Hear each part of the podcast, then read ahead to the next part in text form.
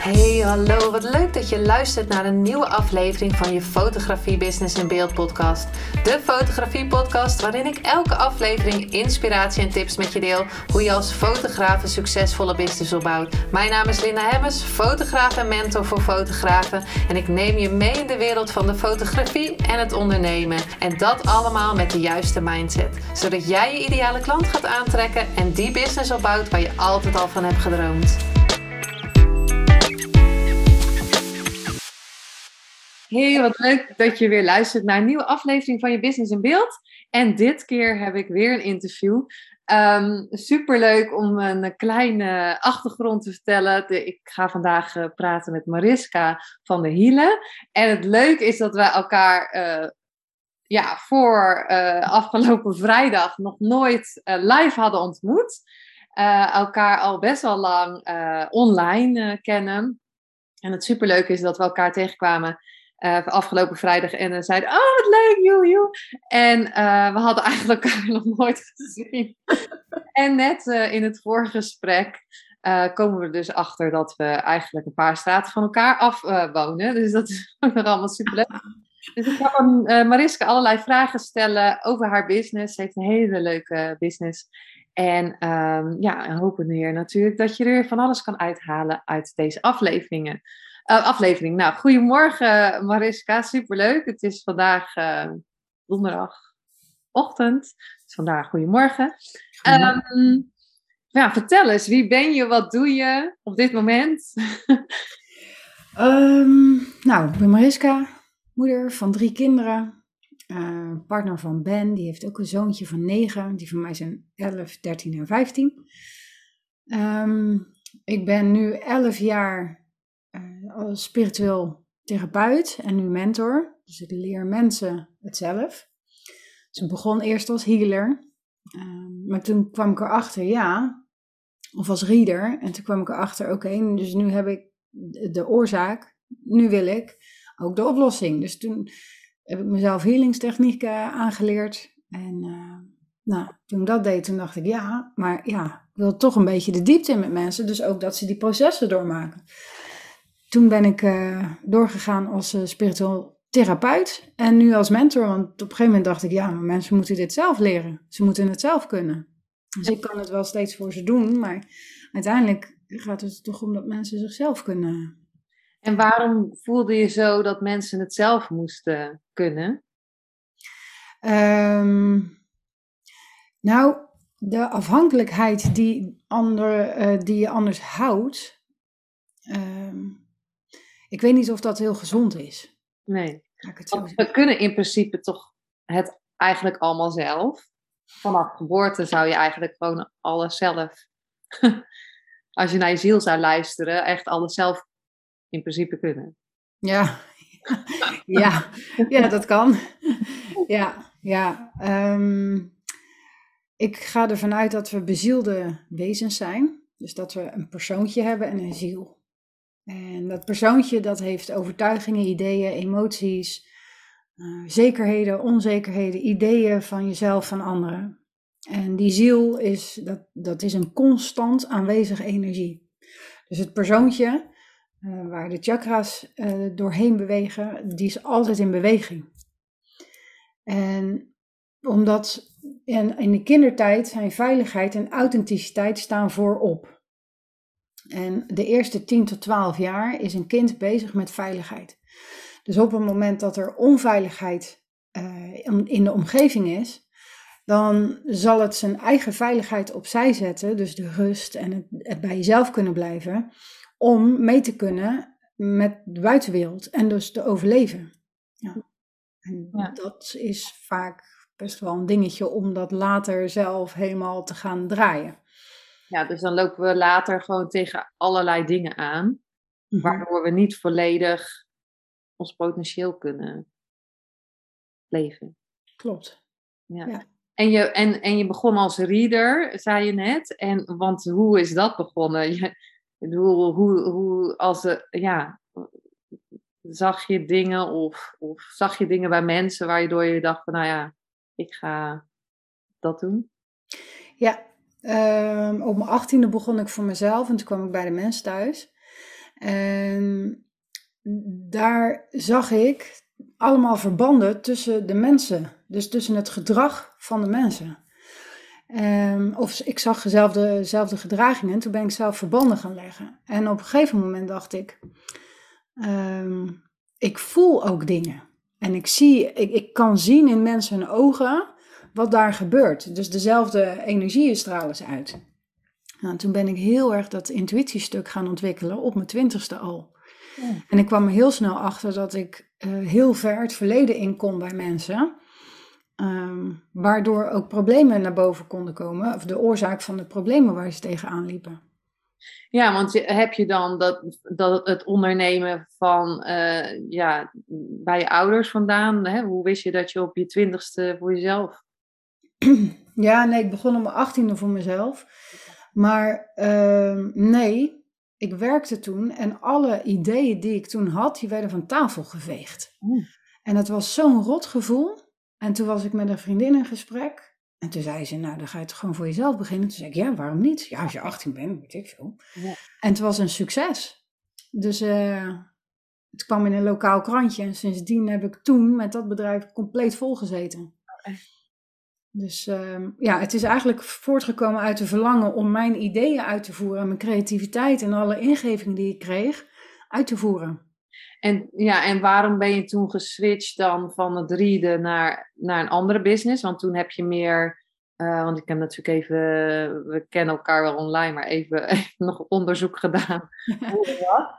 Um, want ik, ik doe alles vanuit intuïtie voor de podcast. En denk van, oh ja, die is tof, die is tof. Hè? Dat, dat lijkt me leuk voor, uh, voor de podcast. Dus ik denk, nou, ik moet wel even kijken natuurlijk. Mm -hmm. Waar ik nu precies mee bezig ben.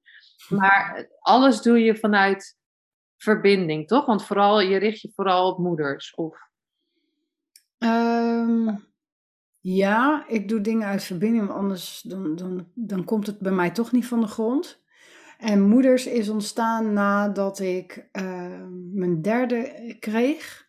En ik ineens wist, ik word kindercoach. Mm -hmm.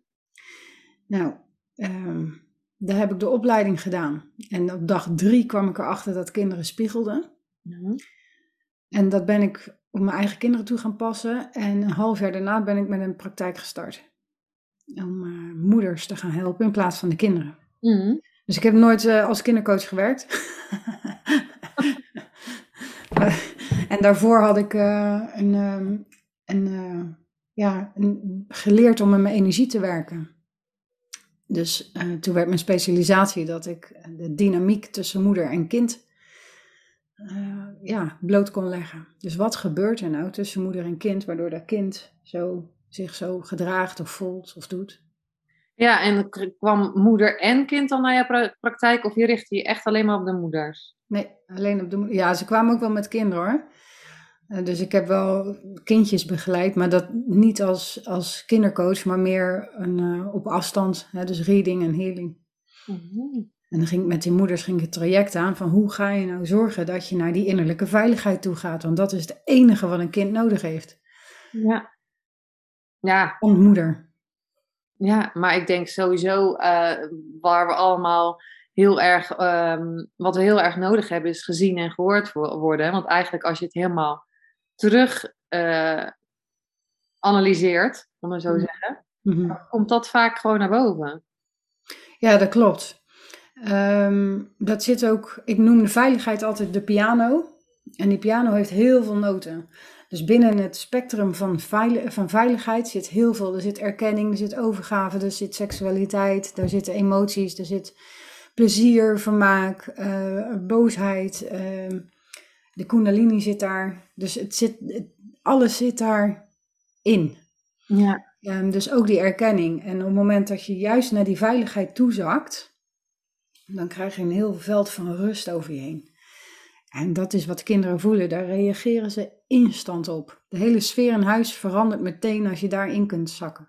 Ja, en uh, dus jij hielp de moeder, zeg maar, en je merkt eigenlijk het um, effect was ook op kinderen en gezin natuurlijk helemaal. Ja, ja, dat was het doel. Want ik dacht, ik kan wel met een kind gaan werken. En als ik dan ga werken aan zelfvertrouwen en die komt thuis, Um, en, en het gebrek aan zelfvertrouwen of eigenwaarde komt daar vandaan. Ja, dan heeft het kind, uh, krijgt weer een uh, emmertje over zich heen.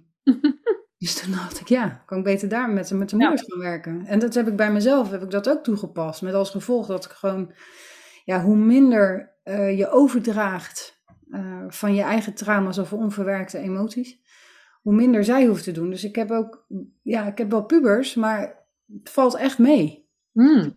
Als ik ze vergelijk met mij, als puber, ben ik heel dankbaar. ja. ja, Nou ja, ik moet zeggen, die van mij is dan bijna 19. Oh ja. Weer een verschil. Mm Maar op zich, ja. Ja, kijk, tuurlijk, er zijn altijd wel eens dingen dat je denkt van, oh, en dan gaat het heel goed en dan denk je, oké. Maar ja, um, ja ik, ik, ik, ik merk dat hoe meer ik aan mezelf werk, hoe meer ik inderdaad effect ook op hem zie. Ja, ja en dat is, dat is het ook. Ehm, als je en aan jezelf werkt en, en die veiligheid uh, kunt aanboren, dan, uh, dan heb, je het, heb je het beide. Want wat ik heel vaak zie is dat mensen inderdaad aan zichzelf werken. En dat merkte ik ook in die, in die spirituele therapie en dat healing dat we een sessie deden en dan voelden ze zich goed en vervolgens liep het emmertje weer vol. Hmm. Nou, en, en als je tegelijkertijd aan, je, aan, aan de tegenhanger kunt gaan werken, dus van onveiligheid naar veiligheid, hmm. dan, uh, ja, dan, dan krijg je gewoon een heel erg balans tussen ziel en persoon. Ja. En kinderen merken dat, ja. Ja, en um, um, want nu doe je gewoon uh, dan één op één, of doe je dan uh, programma's of hoe, groepen, of hoe, uh, hoe je het dan nu? Ja, het begon één op één. Alleen ik merkte drie jaar geleden dat, dat ik steeds hetzelfde wat aan het vertellen was. Dus toen dacht ik, als ik ze nou allemaal bij elkaar stop, dan heb ik een groep en dan kan ik het in één keer allemaal vertellen. Dus dat waren er op een gegeven moment 42. Mm -hmm. En ja, dat heb ik sinds, uh, sinds kort heb ik dat omge, omgegooid. Dus dat het een energieles is iedere week, maar er zit nog steeds bijna 40 mensen in. Dus. Nou, superleuk. Ja. Hoe, uh, want er zijn veel mensen die luisteren en die zeggen dan, ja, ik, hoe kan ik mijn missie vinden? Of uh, ik heb het dan vaak inderdaad over de ziel. Hoe weet ik dan wat mijn ziel wil? Um, ja, heb je daar nog iets voor? Dat, dat, ja, maar hoe, kijk jij daar tegenaan? Ja, dat is uh, heel interessant. Want die vraag krijg ik ook heel vaak te horen. Um, op het moment dat we alleen onze ziel volgen, dan, dan wat doen we hier op aarde dan? Hè? Dan hadden we net zo goed boven kunnen blijven. Je hebt een eigen wil, dus een, je eigen uh, ideeën, je eigen sturing. Het mag een samenwerking gaan worden tussen ziel en persoon. En uh, bij mij was het bijvoorbeeld altijd van uh, dat ik, als ik iets wilde, dan kreeg ik gigantische lessen op mijn, op mijn pad. Dus hele harde klappen en een grote situaties. Mm. Um, maar nu zeg ik tegen mijn ziel, hè, dus of, ja, eigenlijk in samenwerking, het klinkt een beetje raar alsof het een tweede persoon is. Nee, maar... uh, ik wil de lessen die ik aan kan, dus dat het gewoon behapbaar is. Mm. Um, weten wat je wil heeft te maken met je eigen waarde. Um, en, en eigenlijk alle problemen en trauma's die daaronder zitten, die zorgen ervoor dat je of gaat doen wat een ander wil, of heel gaat, gaat werken voor je eigen waarde. Hmm. Dus hoe meer je naar binnen gaat, hoe meer je gaat voelen waar jij bent aangepast, waar je, um, waar je een ander bent gaan dienen behalve jezelf, hoe meer je bij jezelf en in, een soort verbinding, hoe noem je dat? Alignment noemen ze dat. Uh, komt. Met als gevolg dat je, ja, je kan nog maar één kant op. Ja. En, en dat, is, dat is vanuit zo'n diepe kalmte je pad volgen. In plaats van allerlei deuren opentrekken, allerlei kanten opgaan. Want het komt meestal voort uit een gebrek aan eigenwaarde en veiligheid en bestaansrecht. En daardoor weten mensen niet meer wat ze willen, omdat ze continu het gevoel hebben dat ze het niet goed doen. Of dat ze, um, wat, ze wat ze willen, dat hun kop eraf gehakt wordt. Uh, dat ze afwijzing ervaren, dus dat het niet veilig is. Dus uh, stoppen met, met dit traject of gooien het zoveelste traject overboord of beginnen weer iets nieuws. Het heeft allemaal te maken met, een, met die lessen die zitten in dat eigenwaarde en die veiligheid. Dus um, als je nu luistert, weet dan dat je al op je pad loopt. Omdat die eigenwaarde, bestaansrecht en, en veiligheid opgebouwd moeten worden. En als die drie steeds schoner worden, dan krijg je op een gegeven moment een, een voelen en een weten tegelijk. Ja. Zonder die, die extatische drukte eronder. ja, dat het gewoon ja, moeiteloos gaat eigenlijk. Ja, En, en ja, ik merk dan niet dat het altijd moeiteloos gaat, maar eh, ik, ik geloof inderdaad ook wat jij zegt, hè, dat je op je pad loopt, dat alles de bedoeling is, dat eh, we manifesteren gewoon eh, alles, heel de dag. Mm. Ehm, maar ook dat het gewoon moeiteloos kan gaan, dat je echt denkt van, huh? Oké, weet je? En dat je die lessen weer krijgt en dat je weer in het vertrouwen mag stappen, precies. want het is precies de bedoeling. Ook al zit je nu even met je gevoel niet meer waar je wilt zijn. Ja, dus dat je het idee hebt, nou, dit is niet het pad wat ik lo- moet lopen. Helemaal prima. Want alle kwaliteiten en alle talenten die je daar onderweg ontwikkelt, eh, die zet je weer in voor het volgende project. Ja, Dus uiteindelijk, ehm, als je gaat kijken naar, je weet prima of je links of rechts wil. Je weet prima dat je die boterham met pindakaas wil in plaats van met jam. Ehm, je weet ehm, dat je die kleren aan wil. De- dus het is, het is vaak niet dat mensen niet weten wat ze willen. Ehm, het gaat erom of ze durven voelen of het, of het oké is. Ja, dus dan kom je Ja. heel erg in dat bestaansrecht. Ja, en ook dat je durft te zeggen wat je wil. Ja, Want Ja. ja. wat gebeurt er als ik zeg wat ik wil? Dan denkt iedereen, nou, eh, sorry hoor, maar dat is echt niet, eh, dat is niet handig als je dat doet. Ja, ja precies. Dan kom je dus weer in die eigenwaarde, bestaansrecht en veiligheid terecht. Wordt gewoon continu onderuit gemaaid. Ja, ja, ja, Dus hoe- hoe En- moet je dan gaan weten hè, wat je wil? Een, een kind wordt het al afgeleerd. Ik had zo'n kind die trok alle, toen nog dvd's uit de kast. Ja, dus dat heb ik heel snel verteld dat dat niet mag. Dus ja, dan kom je al in een soort voorwaarde terecht. Dat Ja. je pas oké bent als je doet wat de ander wil. Ja, en ik vind ook wel echt mooi dat je, wat, je, wat, je, wat je doet, zeg maar, dat je die moeders werkt. Want ehm, bij mij is eigenlijk mijn intentie, bijvoorbeeld bij een fotoshoot, dat je inderdaad de persoon meer eigenwaarde of meer zelfvertrouwen krijgt. En ik geloof dan inderdaad dat je dat meeneemt hè, naar kinderen en kleinkinderen, ups, dat dat echt een, een ripple effect heeft eh, eh, op, je, op de persoon zelf. En ik zie ook steeds meer dat eh, mensen, zeg maar, ook het schoolsysteem, veel meer willen dat het veranderd wordt. Hè? Dat je niet, nou, dat je niet zo, we moeten dit per se, we moeten hard werken, we moeten, het mag niet moeiteloos gaan, je moet dit, je moet dat, je moet, weet je? Ja. Wat, wat, wat vind jij daarvan? Hoe, ja, als je zou kiezen, hoe zou jij het schoolsysteem dan? Wat, wat, vind je, wat zou jij daaraan veranderen? Als, als er überhaupt komt. Oeh, ik heb ooit als docent gewerkt. En toen gingen ze net over eh, naar dat coachende onderwijs. En ehm, ik, ik weet dat de hersenen pas klaar zijn met groeien. En eh, dat bedoel ik dat de myelineschedes om al die zenuwbanen aangelegd worden op je 25ste. En dan precies het voorste gedeelte van die hersenen, de, de neocortex, waar de planning ligt, het organiseren, het opruimen, het, het slapen, dus op tijd uit bed. Eh, dus het hele systeem is niet ingericht op pubers. En is niet ehm, ingericht op de talent en kwaliteit. En je ziet dat dat steeds meer omhoog komt. Alleen als je gaat kijken naar de natuur, dan zie je dat kinderen gewoon meegaan met hun ouders en de hele community. En dat is wat mij betreft de meest natuurlijke vorm. Dus dat je, dat, dat je gezien wordt om wat je kan. Oké, jij kan goed jagen, jij kan goed eh, hutten bouwen, weet ik veel waar je talent ligt.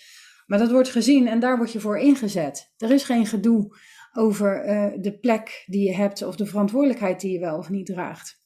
Dat is, je bent gewoon onderdeel van die community en daarin, ja, daarin groeien. Alleen als we gaan kijken naar het Westen, is dat niet meer te vergelijken. We hebben een gemeenschap gecreëerd eh, die gebaseerd is op de economie. Dus een schoolsysteem is ingericht op de economie is niet ge- ingericht op ontwikkel je talent. Ja, de talenten die passen binnen het economische systeem.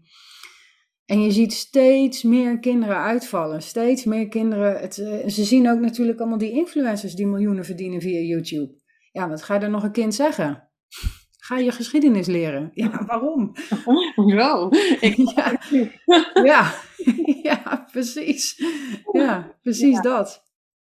Ja. Dus, ehm, ik vind vrije schoolonderwijs, zeker in de jonge jaren, vind ik in de buurt komen. Dat vind ik echt heel fijn. Eh, hè, dus de natuur is heel erg belicht. Eh, het- het- gewoon kom zoals je bent. De kinderen worden niet afgekraakt om, om hun kleding en zo.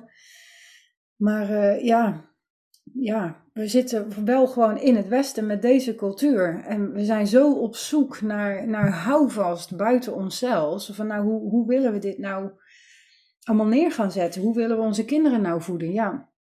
En ik geloof dat het zieltje de ouders heeft uitgekozen.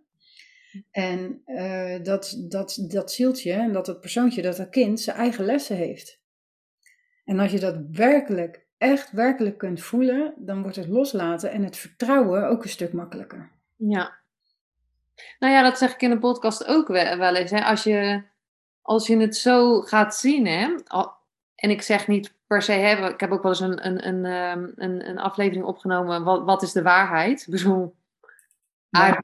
Wat, wat is de waarheid? Mm. Ehm, maar als je het zo gaat zien dat, dat dit je pad is en dat je, ehm, eh, hè, dat je die belemmeringen hebt gekregen door, eh, ehm, door ouders, leraar, bla bla bla. Ehm, en dat er heel veel gewoon mogelijk is voor je, dan, ja, dan wordt het niet per se easy, maar ja, dan wordt het misschien gewoon wel ook wel easy. misschien gewoon wel. Ja, Ja. ja. Ik, ik geloof dat je als ziel neem je lessen mee. Dus de, de, op het moment dat je in een vorig leven, ik werk heel veel met trauma's. Dus in de één op één, daar zit, en ze leren technieken, dus ze krijgen een techniek, maar heel vaak is er ook heel veel traumawerk te doen. En wat ik zie is dat er in vorige levens, die ziel, die heeft een ervaring van eh, eh, heel veel onveiligheid, bijvoorbeeld verbrand worden. Maar dan ga je dood. En het gebrek, dus de, de, de, de veiligheid, ligt nog in het vorige leven. Dus zodra dat zieltje eh, opnieuw incarneert en het komt hier op aarde, dan komt het al met, met minder veiligheid aanwezig eh, op aarde. Dus wat er dan gebeurt, je zoekt de ouders uit die precies die stukken gaan triggeren, waardoor die onveiligheid helemaal naar boven komt. En bij de een komt, gebeurt het nooit. Hè? Ik bedoel, er zitten genoeg mensen in bejaardentehuis die gewoon hun leven hebben geleefd. De drie R'en. Ehm, ze zitten misschien wel mopperend in het bejaardentehuis, sommigen blij. Ehm, maar ik geloof wel dat het op dit moment echt een enorme tijd is om al die oude stukken terug te halen. Dus ik ben heel veel bezig met het terughalen van, van die essentiële stukken. Nou, en wat je dan ziet is dat mensen zich weer heel gaan voelen. Hè, dus echt ook voelen die heelheid. Nou, en dan ehm, wordt het veel makkelijker om naar je kracht toe te stappen. Dus energetisch zit je kracht aan de achterkant. En je ontvankelijkheid, want wij ontvangen nu van elkaar, aan die voorkant. En die voorkant zit vaak vol met pijn en opgestapelde ja, emoties, overtuigingen. Hè? Dus die buiken zitten vaak helemaal vol. Maar aan die achterkant zit die kracht.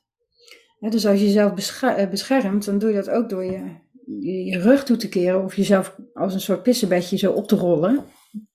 Probeer dan.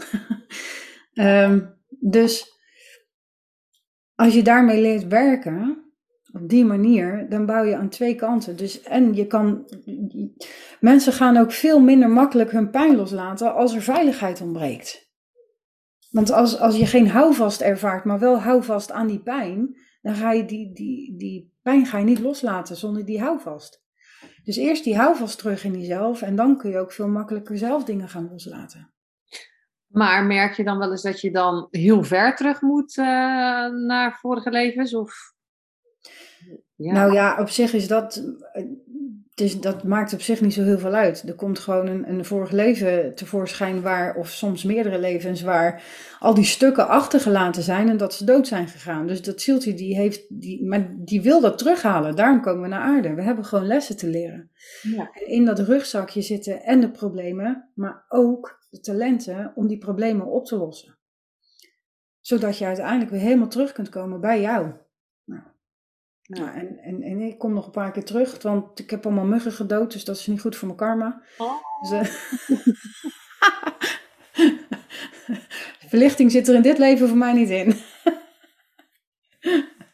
nee, dus. nee, ik denk het ook niet. nee. wanneer ben je verlicht, weet je, ja. Nou, ja, je bent verlicht op het moment dat je geen lijden meer ervaart. Ja door een verlangen en angst. En marketing en sales zit natuurlijk volledig op dat verlangen en op die uh, problemen. Ja, maar daaronder zit altijd een doodsangst. Daarom werkt het. Ja. Omdat altijd die angst wordt getriggerd. Oh ja, ik wil dat.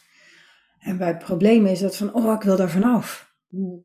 Maar ja, beide komen uit hetzelfde potje. Ja, ja en zeker nu met social media tegenwoordig, hè, dat, dat je eigenlijk, hè, of als je een business hebt, dat je veel meer van jezelf mag laten zien. Maar hm. daar zitten natuurlijk heel, veel dingen weer op. Ja. Nou, als ik te vaak uh, online kom, oh, wat zullen ze wel niet van vinden? Straks gaan ze me ontvolgen. Ja. En ik denk wel altijd. Ja. Oké. Ja, dat is alleen maar goed, want dan krijg je mensen die wel bij je passen. Ja. Maar ja, je komt wel uh, weer in die uh, afwijzing terecht. En, die, en hè, ik zie heel veel ja, zichtbaarheid en uh, een ton omzet. Dan denk ik ja, maar vanuit welke positie ben je dan bezig? Misschien is het fijn om eerst een vertrouwensbasis in jezelf op te bouwen. Um, ik heb voordat, nadat ik mijn eigen bedrijf had, kreeg ik kinderen. En toen namen die klanten af. En vervolgens ben ik het toen in het onderwijs erbij gaan doen. Daarna uh, nog een keer het onderwijs. Daarna heb ik twee bedrijven gehad en nog een PGB-baan daarnaast. Dus toen werkte ik ook in een gezin. Dus ik heb heel lang. En dan heb je rust. Hmm. Dus als je eerst aan die rust werkt, dus ook in je zichtbaarheid, ook in je afwijzing, ook in, in alles, eerst in die veiligheid, in dat vertrouwen. En als je vanuit daar jezelf eh, neerzet en dat fundament bouwt, ja, dan kom je heel anders over. Dan kom je niet needy over, je komt niet dat. ja, ik zie het. Hè. Ik zie wel van, ja, eh, je zit op een fluwelen kussen, je moet van een kussen af, eh, je moet hop gaan werken, dat is goed voor je. En denk je, ja, misschien is dat even niet het pad. Nee. Dat je jezelf al hele tijd, uh, tijd over je grenzen heen trekken om maar een business op te bouwen, ja, dan lig je, dan, je gaat onderuit. Dan kom je in die hoge seksuele, extatische energie. En je gaat onderuit. Ik zie zoveel ondernemers allemaal hoofdpijn hebben. Dan weet ik gewoon, dat is die kundalini die veel te hard gaat. Mm. Al die seksuele energie die ontploft in dat hoofd. En maar gaan, en maar gaan, en vol ideeën en content. En denk, nou, het is even afwachten, maar over een dag of drie, vier ligt ze er weer af. Ja. ja, en dat is dat we ook niet naar geleerd meer hebben om naar ons lichaam te luisteren. Wat als we nou hoofdpijn hebben? Wat, wat betekent dat nou? Hè? Neem dan een paracetamol, ga je dan kijken waar die hoofdpijn vandaan komt. Ja. Ja, nou ja, maar dat is best lastig voelen hoor. Als je, als je niet weet hoe seksuele energie uh, voelt en kundalini en uh, levensenergie en zelfherstellende vermogen. Als je al die eh, differentiaties niet kan voelen, dan is het ook wel lastig. Maar uh, ja, hoofdpijn is hoofdpijn.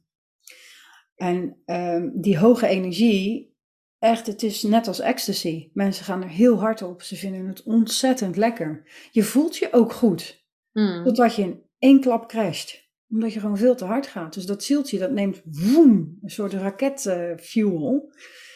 en dan uh, gaan ze onderuit. Hm. En dan komen ze daarvoor of daarna bij je? ja, mijn klanten doen dat niet meer. Oh. En als ze het wel doen, dan, uh, ja, dan is het inderdaad uh, van goh, herken je de energie al?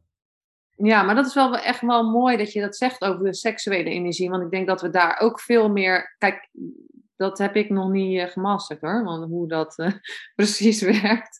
Mhm. Maar uh, hoe ik daar mak. Kijk, ik kijk nu wel naar mijn, ehm, cyclus, zeg maar, hoe ik dan werk bijvoorbeeld. Ja. Maar, ehm, of naar de maan, of weet ik veel wat allemaal, zulke soort dingen. Maar, um, weet ik eigenlijk mijn vraag niet meer. Maar, oh ja, jij leert ze dan zelf hoe ze bepaalde dingen kunnen doen in hun business. Ja. Daarmee uh, om kunnen gaan. Ja. Ja. Dus dat ze niet. Uh, en en wat, wat is dat? Kan je een voorbeeld geven bijvoorbeeld? Nou, de hele wereld is qua energie gebouwd op seksuele energie. Het is de energie waaruit uh, je marketing doet, sales doet, advertenties doet. Het is de energie van creatie, van voortplanting, van uh, ja, echt de, bron van overleven. En daar hebben we het ook meteen. Het is een overlevingsenergie. En um, er tegenover staat de levensenergie. Dus het is dezelfde bron. Um, maar het is dus ook een vernietiging. Dus als je kijken naar de, de, creatiekracht, als je iets kan creëren, kan je het ook vernietigen. En als die bron dus is dat het uit die onveiligheid voortkomt, dus die seksuele energie, dan gaan ze geheid onderuit. En, um, Kundalini is daarvan de soort van de basis. En geen enkele guru of yogi of monnik weet hoe die Kundalini precies geactiveerd wordt. Maar dat het ongelooflijk veel problemen geeft, dat weten we wel. Um, maar de basis daarvan is die onveiligheid. Dus vaak wordt het uh, door trauma's wordt het geactiveerd. Dus er zijn mensen die al elf jaar knijter, knijter vastzitten door een kundalini gebeuren. Dus dat ze in één keer krijgen zo'n zo'n openbaring, waardoor uh, bepaalde chakras helemaal openklappen en uh, ze door hun wilskracht die energie naar beneden houden. Nou, daar krijg je dus hoofdpijn van, of migraine, uh, of psychoses. Je, je, kan echt helemaal, maar ja, in het regulier weten ze dat helemaal niet. En in het oosten is dat al veel langer bekend. Dus mensen die echt uh, langer met energie werken. Dus niet alleen de kundalini-energie willen activeren. Dan denk ik, oh oh. Oh oh. Weet wat je openmaakt, de doos van Pandora. dat. wordt heel erg veel hoor. Kan de kundalini-meditatie en weet ik veel wat allemaal. Ja, ik, wat, nou, daar zelf ben ik daar nog niet echt uh, heel erg uh, in thuis of zo.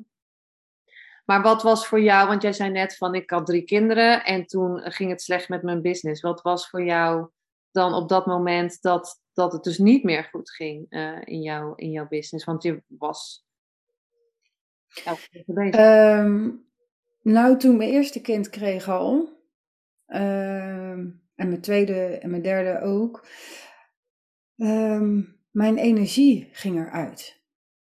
En dat weet ik achteraf. Mm. Op dat moment dacht ik alleen maar, oh shit, geen geld, uh, geen omzet en bla bla. En, um, maar ja, tijdens iedere zwangerschap voelde ik namelijk heel sterk, ik blijf dit niet de rest van mijn leven doen. Dat gaat niet, dat gaat fysiek niet, dat gaat mentaal niet.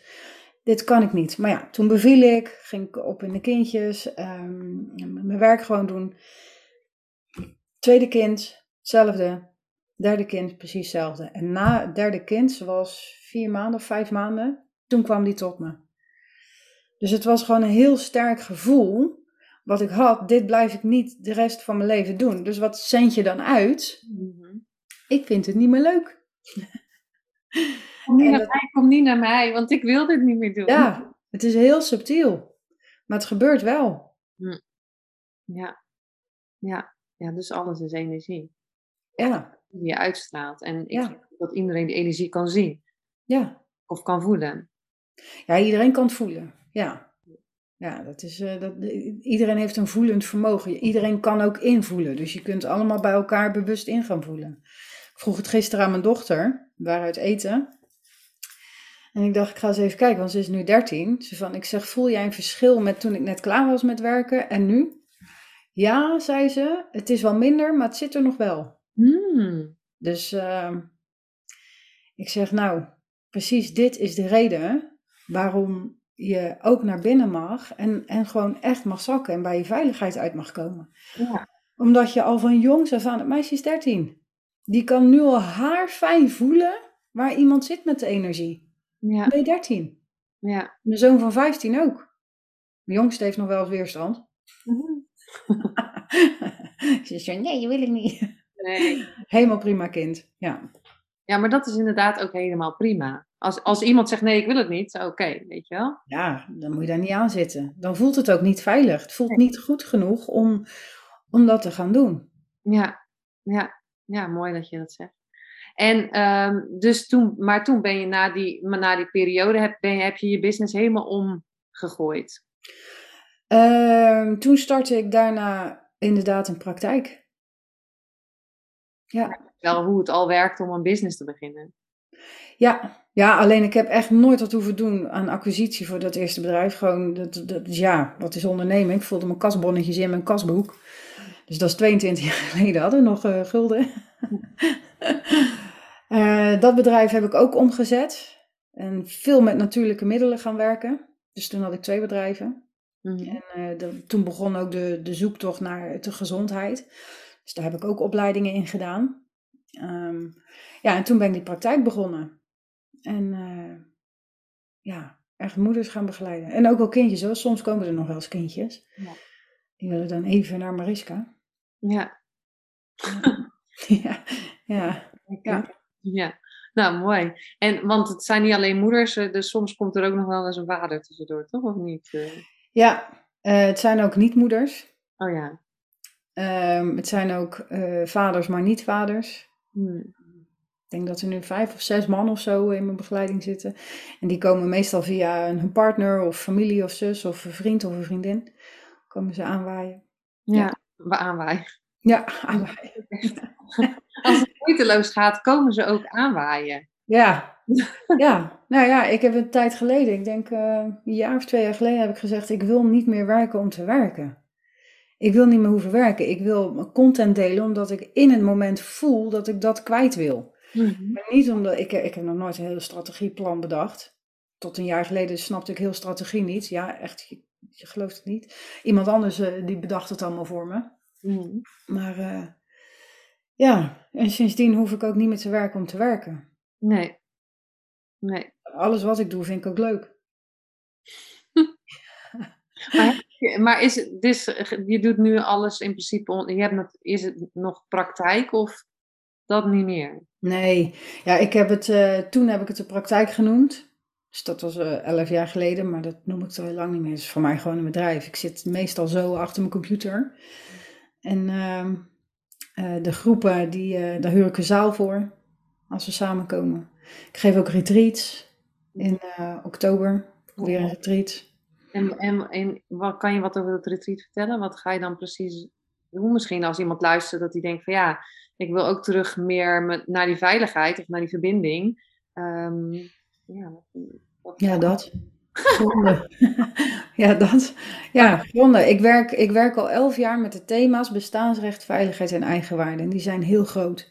En die bepalen voor een heel groot deel de gronding of de niet-gronding. Dus hè, of iemand hoog in de energie zit, of iemand de hele tijd aanstaat, of iemand paniek heeft, of dat die kinderen wel of niet goed gaan, of dat het gezin wel of niet uh, uh, ja, functioneert, zeg maar, of lekker loopt. Uh, dat zijn de drie grootste thema's waar ik mee werk. En ik werk met verschillende Oosterse technieken en, en stromingen. En die combineer ik om, in, uh, ja, om iemand aan te leren. Van, nou, hoe werkt mijn energie nou? En hoe kan ik die nou aansturen? Hoe kan ik naar mijn veiligheid? En hoe kan ik naar mijn bestaansrecht? Nou, in het retreat gaan we daar veel dieper op in. Maar wat, als, je, als iemand denkt van ja, gronden, uh, wat, wat, wat gronden? Ja, precies. Wat, wat is nou weer gronden? Ik bedoel, ja. leuk op de grond. Ik ga wel vliegen en dan ga ik gronden. Ja. Maar wat is precies gronden? Um, gronden is, een, uh, is, de, is de samenwerking tussen het persoontje en de ziel. Um, dus dat je ook helemaal bij jezelf kan blijven. Is dat je voelt dat je oké bent, uh, in het veld van overvloed kan stappen. Um, die een anker. Hè, dus in, in het grondingstraject. Dus mensen kunnen niet meer in ground stappen, maar wel in mentorship en daarna in ground. Omdat je moet eerst een basis hebben voordat je al die technieken aangeleerd krijgt. En die basis is het anker. Dus het lichaam moet het anker zijn. Daar krijg je eerst technieken voor om in het lichaam te kunnen landen. Want als je dat energiewerk met jezelf gaat doen, dat kan eh, best wel ver en diep gaan. Hè? Dus mensen die bijvoorbeeld ayahuasca of chocobliss, daar gaat in één klap alles open. Als je dit energiewerk gaat doen, gaat dat ook gebeuren, maar dan heel erg gedoseerd. Mhm. Ehm, ik heb er eentje die gaat nogal hard, maar die schrikt daar dan ook meteen van. Mhm. Dus vandaar dat die één op één begeleiding dan nodig is. Mm. Maar je gaat heel erg gewoon dicht bij jezelf, uit je hoofd, eh, je energiesysteem leren kennen, het ook aan kunnen sturen. Hè? Dus zelf aan het stuur gaan staan. Ik, ik zie zo vaak dat ze geen controle hebben. Ja, ja, eh, ja toen bleef ik maar tot vijf uur s'nachts doorgaan. Ja, dat, dat wilde ik eigenlijk niet, maar ja, het was zo leuk. Dus ik hoor twee verschillende dingen. Van wat, maar wat wil je dan echt? Want je lichaam geeft aan, ik wil niet meer, maar je doet wel iets anders. Ja. Ja, en dat kunnen draaien, dat in het moment kunnen draaien, maar ook echt dicht bij jezelf kunnen blijven ten overzien van een ander. Ik drink bijvoorbeeld geen alcohol, ik eh, eet wel heel veel fruit, maar eh, bijna geen gluten, suiker en lactose, omdat ik weet dat ik daardoor beter functioneer. Mhm. Maar goed, wat we daar in het retreat doen, in het hele traject, hè, is dus leren om echt dicht bij jezelf te blijven. Een rust, een balans, overvloed, kalmte, dat. Grenzen, heel belangrijk. Ja. En echt uitleggen, mijn klanten kunnen het niet en ik ook niet. Dat het, eh, dat het hetzelfde is als hoe leg je uit hoe bloemkool smaakt. Wauw, ja. Ja, De ene vindt het lekker, de ander niet. Maar je, ja, je, je kan het inderdaad niet uitleggen. nee. Het is echt iets voelen. Ja, hetzelfde als hoe weet je dat je verliefd bent. Ja. Dat voel je. Dat is een ervaring. Dus ja, het is, het is bijna niet eh, ja, uit te leggen hoe, hoe het voelt om echt ja, vanuit, vanuit al die drukte en, en, dat, en wat dat persoontje allemaal doet in dat zielenstuk te Ja. stappen. Ja, ja mooi. Ik, ja, ik, vind, ik hou ervan. Dus eh, ik bedoel, ik ben er al zoveel jaar mee bezig met, eh, met, met zulke soort dingen. Mm. Eh, En het leuke is dat, je, dat ik nu ook steeds meer ga zien waar je op voorbereid wordt. Hè? Kan ik daar een voorbeeld van geven? Nou ja, hè, dat, dat nu meer, veel meer eh, bekendere mensen ga fotograferen. Maar dat had ik nooit kunnen doen, eh, zeg maar vijf jaar geleden. Ja, misschien wel, maar wel echt dan geforceerd. En nu gaat het gewoon in flow. En ja, ik geloof dus ook echt dat je hè, dus voorbereid wordt ergens op. Dat je niet, eh, als je e- van de een op de andere dag miljonair zou worden, maar je bent niet een persoon die miljonair, ik zeg maar wat, hè, miljonair zou zijn, dat Mhm. dat ook gewoon, hè, wat jij zegt, gewoon gelijk ook afgebroken kan worden. Ja. En dat Ja. je binnen no time niet, dat het weer weg is. ja. Ja. ja, mijn opa die zei altijd, ik heb 10.000 op een dag verdiend. Ik ben het ook dezelfde dag weer verloren. Hij zegt dus, het zegt me helemaal niks wat of... eh, Nee. Wat of. eh, dus het is, het is het vernietigen en het creëren. Dat Ja. is die seksuele energie. En eigenlijk wil je daaronder gaan zitten. Dus dat die, die seksuele energie, die gaat. Die, die is, hè, als je dan een versnelling hebt. En die kanten daaronder, dan krijg je een flow. Die seksuele energie moet niet weg. Da- Daar moet je niet vanaf. Maar je wil dat er een kalmte bij komt. En dan krijg je een flow. Dus mensen leren eerst om die extatische energie te kalmeren en vanuit die kalmte. En dat kan heel lang duren voordat je in die flow terechtkomt. Dat betekent dat je geest gestabiliseerd moet worden. Als in eh, zo sterk, dat is een spier. En die geest die moet getraind worden om die focus te kunnen pakken. En vanuit die focus, daaruit kun je dus die energie gaan balanceren. Dus naar die flow toe. Iedere keer als die energie omhoog komt, baf, terug. En weer terug. Nou, En mooi. dat leer je op een kussen, maar ook gedurende de dag. Ja. En is er nog iets wat je ehm, mee zou willen geven in deze aflevering als iemand luistert? eh, wat... Ja, ehm, het zou heel. ehm, die veiligheid, zoals ik net al zei, de rug is energetische kracht. En heel veel therapieën, coachings en, en workshops zijn allemaal gericht op die voorkant en op de buik. En bij deze wil ik je uitnodigen om helemaal naar je onderrug te zakken. Dus laag in je rug met je aandacht. Want op het moment dat je dat doet, ben je dat nu aan het doen? Ik ben het aan het doen. Ja. Wat voel je dan? Ehm, wat ik voel is denk ik rust. Meer rust of zo. Ja. Ja. Nou, moet je je voorstellen als je daar hele dagen in kan hangen. Heerlijk. Heel je systeem, al je celletjes, alles geneest. Alles veel sneller. Kijk, alles geneest toch wel. Maar als jij zelf tegenwerkt. Kijk, je merkt ook hoe snel je alweer omhoog gaat, hè? Ja, ik Ja. dacht, zit nu niet meer in mijn uitzending. Nee, nee. Dus zodra de interactie is, dan ga je alweer omhoog. Hmm. En dat is dus, ehm, als je die geest leert gaan focussen en, en echt leert, ja, kleiner leert maken eh, als in scherper, Hmm. dan gaat dat veel makkelijker. Ja, en ik denk ook dat heel veel mensen last hebben van onderrug of Ja. rug of Gebrek schouder. aan steun. nek. Onderrug is vaak echt een gebrek aan steun en een gebrek aan vertrouwen. Dus echt geen, eh, geen overgave doen. Nou is daar ook wel wat voor te zeggen, want overgave en overgave zijn ook weer twee dingen. Ja. Ik bedoel, als je in de Tweede Wereldoorlog naar de Duitse grens loopt en je zegt, nou ik geef hem over, ja, eh, never nooit niet. Nee, ja, maar dat is hetzelfde als je doet overgave van die ziel. Ja, je weet niet waar je heen gaat, dus je wil wel in dat lijf zakken. Ja. ja. Ja. Ehm, waar kunnen ze jou vinden, Mariska, als ze meer hierover willen weten? Ehm, Insta, mariskavandehelen.nl, LinkedIn hetzelfde, spiritbusinessmam.nl. Hm. Mm, Mag me altijd even mailen. Je hebt ook een groep, volgens mij een Facebookgroep. Doe je daar nog wel wat in? Nou, Oh, ik doe mijn best, maar ik voel het allemaal niet op dit moment. Nee. Ehm, dus het is, wel- maar ja, zelfliefde is verbinden. Daar zitten nu 1100 mensen of zo in. En die andere groep, eh, die Spirit Businessman, nu 40 of zo, 50. Maar daar doe ik op dit moment niet zo heel veel mee, nee. nee. Mijn doel is om een, ehm, een luxe spiritueel centrum op te zetten. Hmm. Hè, dus met een sauna en een, en een natuurzwemvijver. Dus geen zwembad met chloor. Maar dat het allemaal net wat luxer is. En ehm, daar ben ik in de energie, ben ik dat aan het neerzetten en eh, naartoe aan het groeien. Want waarom zou ik zelf die paar miljoen bij elkaar verdienen? Er zijn ook heel veel mensen die heel graag willen investeren. Dus, da- dus dat, eh, ja, waarom niet? Hoe, hoe is, want er komt er ineens een vraag naar boven. Want hoe zie je dan jouzelf over vijf jaar bijvoorbeeld? Echt dat je dat... Ja, dan woon ik daar. Dan woon ik op dat spiritueel centrum, geef ik teachings, eh meditatieteachings.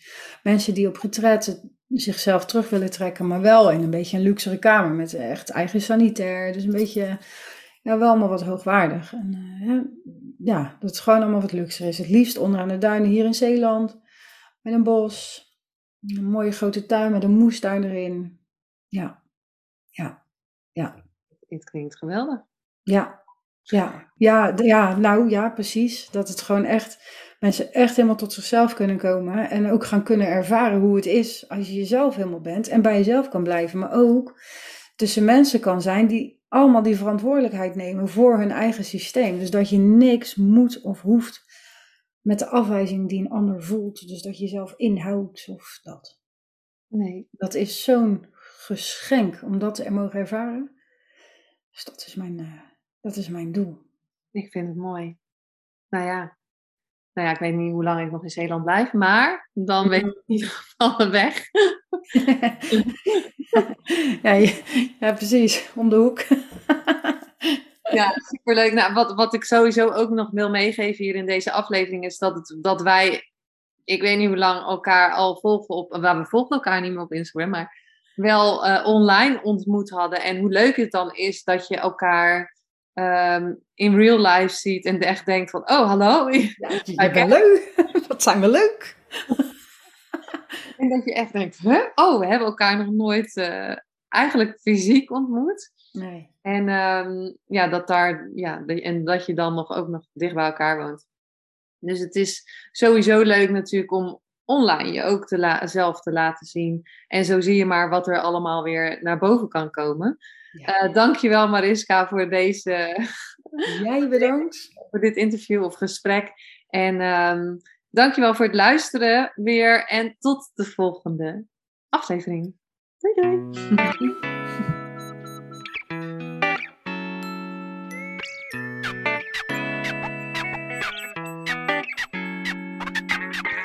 Superleuk en dankjewel dat je weer luisterde naar een aflevering van je Fotografie Business in Beeld podcast. Vond je deze aflevering interessant?